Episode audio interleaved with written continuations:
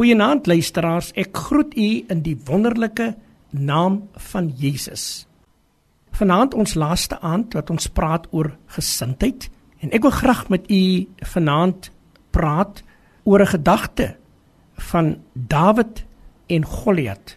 'n Uitstaande verhaal vind ons tussen Dawid en Goliat. Hier is Dawid vir ons 'n baie goeie voorbeeld. In 1 Samuel 17 lees ons dat Israel teenoor die Filistyne opgestel was in 'n oorlog. En daar was 'n kampioenvegter van die Filistyne met die naam van Goliat wat Israel vir 6 weke uitgedaag het. Hy het gevra dat Israel iemand moet gee om teen hom te veg. Die een wat wen sal dan bepaal dat sy volk sal heers oor die verloorde sin. En Goliat was 'n baie groot en sterk man. Dawid se vader was Isai. Hy het 8 seuns gehad waarvan Dawid die jongste was. 3 van sy seuns was in die oorlog betrokke met die Filistyne.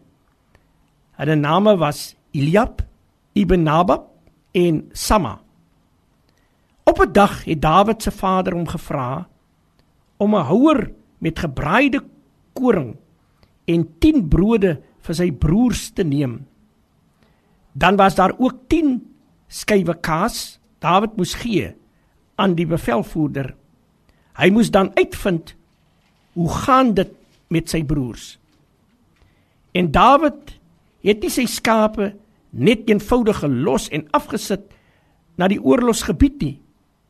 Ons lees dat hy sy skape afgegee het aan 'n wagter voordat hy vertrek het. 1 Samuel 17:20 En by die gevegsterrein het Dawid heelwat navrae gedoen wat die beloning was aan die persoon wat Goliat sou wen. En Eliab was woedend hieroor en hy het Dawid beledig hom huis toe gejaag. En die res van die storie ken jy seker al van kleins af. En Dawid het Goliat se uitdaging aanvaar en hom met sy slinger oorwin. Sodoende het Israel hierdie oorlog teen die Filistyne gewen. Hier's 'n paar lesse wat ons kan leer. In die eerste plek, liewe luisteraar, as Dawid nie Goliat in sy lewe gehad het nie, was hy nie 'n kampioen nie.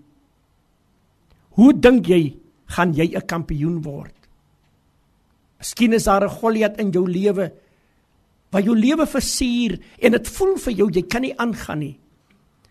Ons dien 'n groot God wat jou kan help in hierdie stryd. Die tweede plek, Saul en sy manskappe het gevrees vir Goliat. En Dawid het geen vrees toegelaat nie, want hy het meer as Goliat gesien. Hy het sy groot God gesien.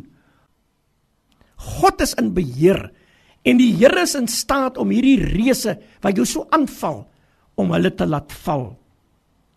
God seën vir jou. Amen.